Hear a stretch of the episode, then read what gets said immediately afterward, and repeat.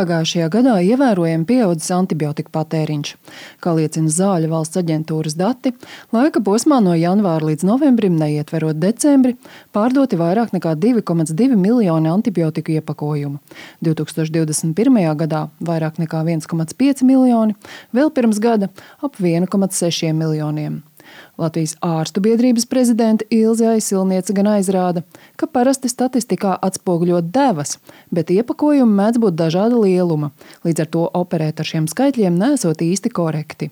Turpina Ilze Aisilniece.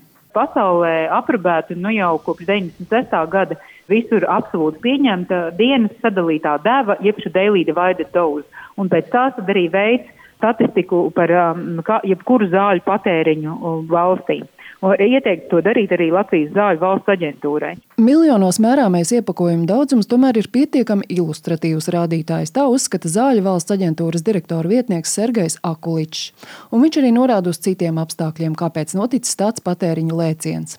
Turpina Sergejs Akuličs pieaug saistībā ar to, ka iepriekšējās divas sezonas, kad bija augstēšanas slimības, varbūt nebija tik pamanāmas citas saslimšanas kā Covid, tika ievēroti dažādi ierobežojuši pasākumi ar uh, fizisko distancēšanos, masku vilkšanu, roku īpaši rūpīgi mazgāšanu. Un uh, līdz ar to arī mēs neredzējam tik daudz pieprasījuma pēc zālēm, kuras parasti nepieciešamas šajās augstēšanas sezonas. Kā arī jārēķinas, ka, piemēram, pērnē sezona gripa bija sākusies nevis rudenī vai ziemā, bet epidemioloģiskais slieksnis faktiski tika sasniegts tikai marta mēnesi Latvijā. Taču šajā sezonā jau decembrī redzējām arī diezgan lielus pamatīgus skaitļus. Ar pamatīgajiem skaitļiem Sergejs Akuličs domājas to, ka šo sezonu izplatās nevien covid, bet arī gripa, respiratoris sincitiālais vīrus un citi augšējo elpceļu slimības izraisoši vīrusi. Slimo ļoti daudzi. Zāļu valsts aģentūras pārstāvis gan atzīmē, ka vīrusu slimību gadījumā antibiotiku lietošana nav efektīva. Tomēr praksē tā notiek. Ambulatorai ārstēšanai antibiotikas tiek izrakstītas pat tādai kā profilaksei, nodrošinoties, ka pacients, kurš tās lieto, nesaslims ne ar ko nopietnāku par vīrusu ierosinātām iesnām vai klepu. Izskaidrojums - ārstu pārslodze. Stāsta Jēlgavas poliklīnikas vadītāja Kintība Barlotti. Rindas ir milzīgas, ārstu nepietiek un ģimenes ārsti pārslogot, bet viņi arī, kā pasaka, daudz ko izraksta pa telefonu. Jums ir tāds simptoms, šitāds, nu tad izrakstam un daudz, nu teiksim, vieglāk ir izrakstīt medikamentu, jeb antibiotiku un zināt, ka tiešām, kā es saku, nebūs problēmas nekā, teiksim, neizrakstīt un cīnīties ar to, ka pacienti jau arī nav apzinīgi. Antibiotikas kā pirmās izvēles medikaments elpceļu vīrusu slimību gadījumā nav pareiza taktika.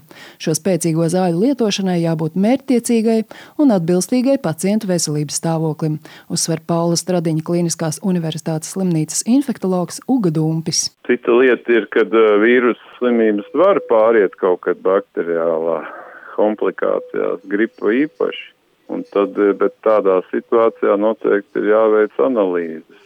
Un uh, analīzēs parasti izmainās, parādās citi iekaisuma rādītāji. Tā kā var būt situācijas, kad ir jānozīmē antibiotikas, bet antibiotikas šādās situācijās nenozīmē profilaktiski.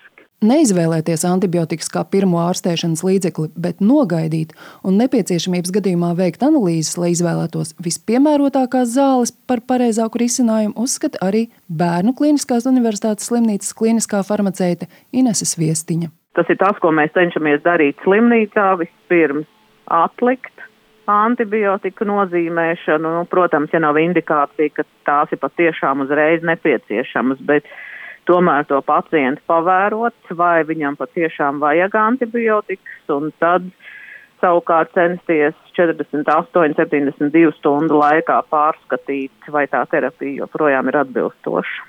Neviens speciālists neaicina vispār atteikties no antibiotikām, jo tās var glābt pacientus smagu slimību gadījumā vai pat no nāves. Tomēr tās nevajag izmantot gadījumos, kad bez tām var iztikt. Zāļu valsts aģentūra norāda, ka medikamentu deficīta apstākļos lieki izrakstītas antibiotikas var nozīmēt to, ka kādam citam slimniekam, kuram tās patiešām vajadzīgas, nākas palikt bez ārstēšanas līdzekļa vai tas ilgi jāmeklē. Taču arī tad, ja medikamentu netrūkst un tie ir pieejami, antibiotika lietošana bez indikācijām ir bīstama, skaidro Uga Dumpis. Antibiotikas pirmkārt ir teikt, darbojās uz arī normālajām baktērijām, normālo mikrofloru. Tā tad uh, maina antibiotikas nozīmēts vajadzīgi vai nevajadzīgi maina cilvēka mikrobiomu. Mikrobioms mūsdienu medicīnā tātad ir ļoti svarīga lieta.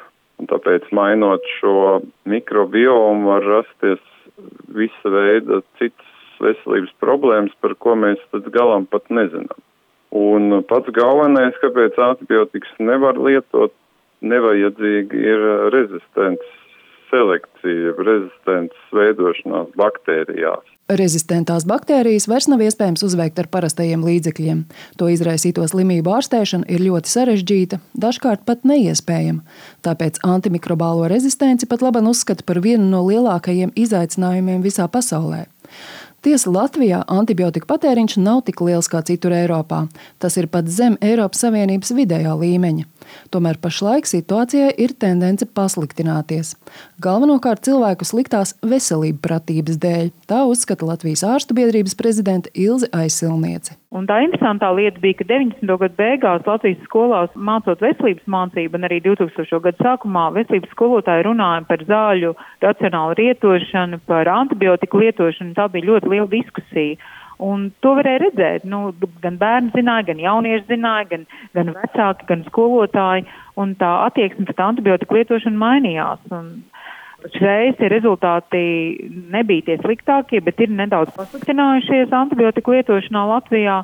Varbūt, to ir ietekmējis pēdējo gadu notikumi saistīti ar epidēmiju, bet katrā ziņā ir absolūti skaidrs, ka veselība pratība ir viszemākā Eiropā Latvijā Un, ja jau veselība pratības nav, tad jau arī nav zināšana par antibiotiku pareizu lietošanu un antibiotiku rezistenci. Jāpiebilst, ka Veselības ministrijā sagatavots jauns antimikrobās rezistences ierobežošanas plāna projekts laika posmam no 2023. līdz 2027. gadam. Tajā esot paredzēta gan ārstu, gan sabiedrības izglītošana, informē Veselības ministrijas sabiedrības veselības departamenta direktore Jana Feldmane. Un, protams, ka tas būtu jau jāsāk arī no skolas soli. Tā kā arī strādāt pie šīs veselības izglītības skolās arī. Plāna projektu jau tuvākajā laikā paredzēts virzīt apstiprināšanai ministru kabinetā. Zana Eniņa, Latvijas radio.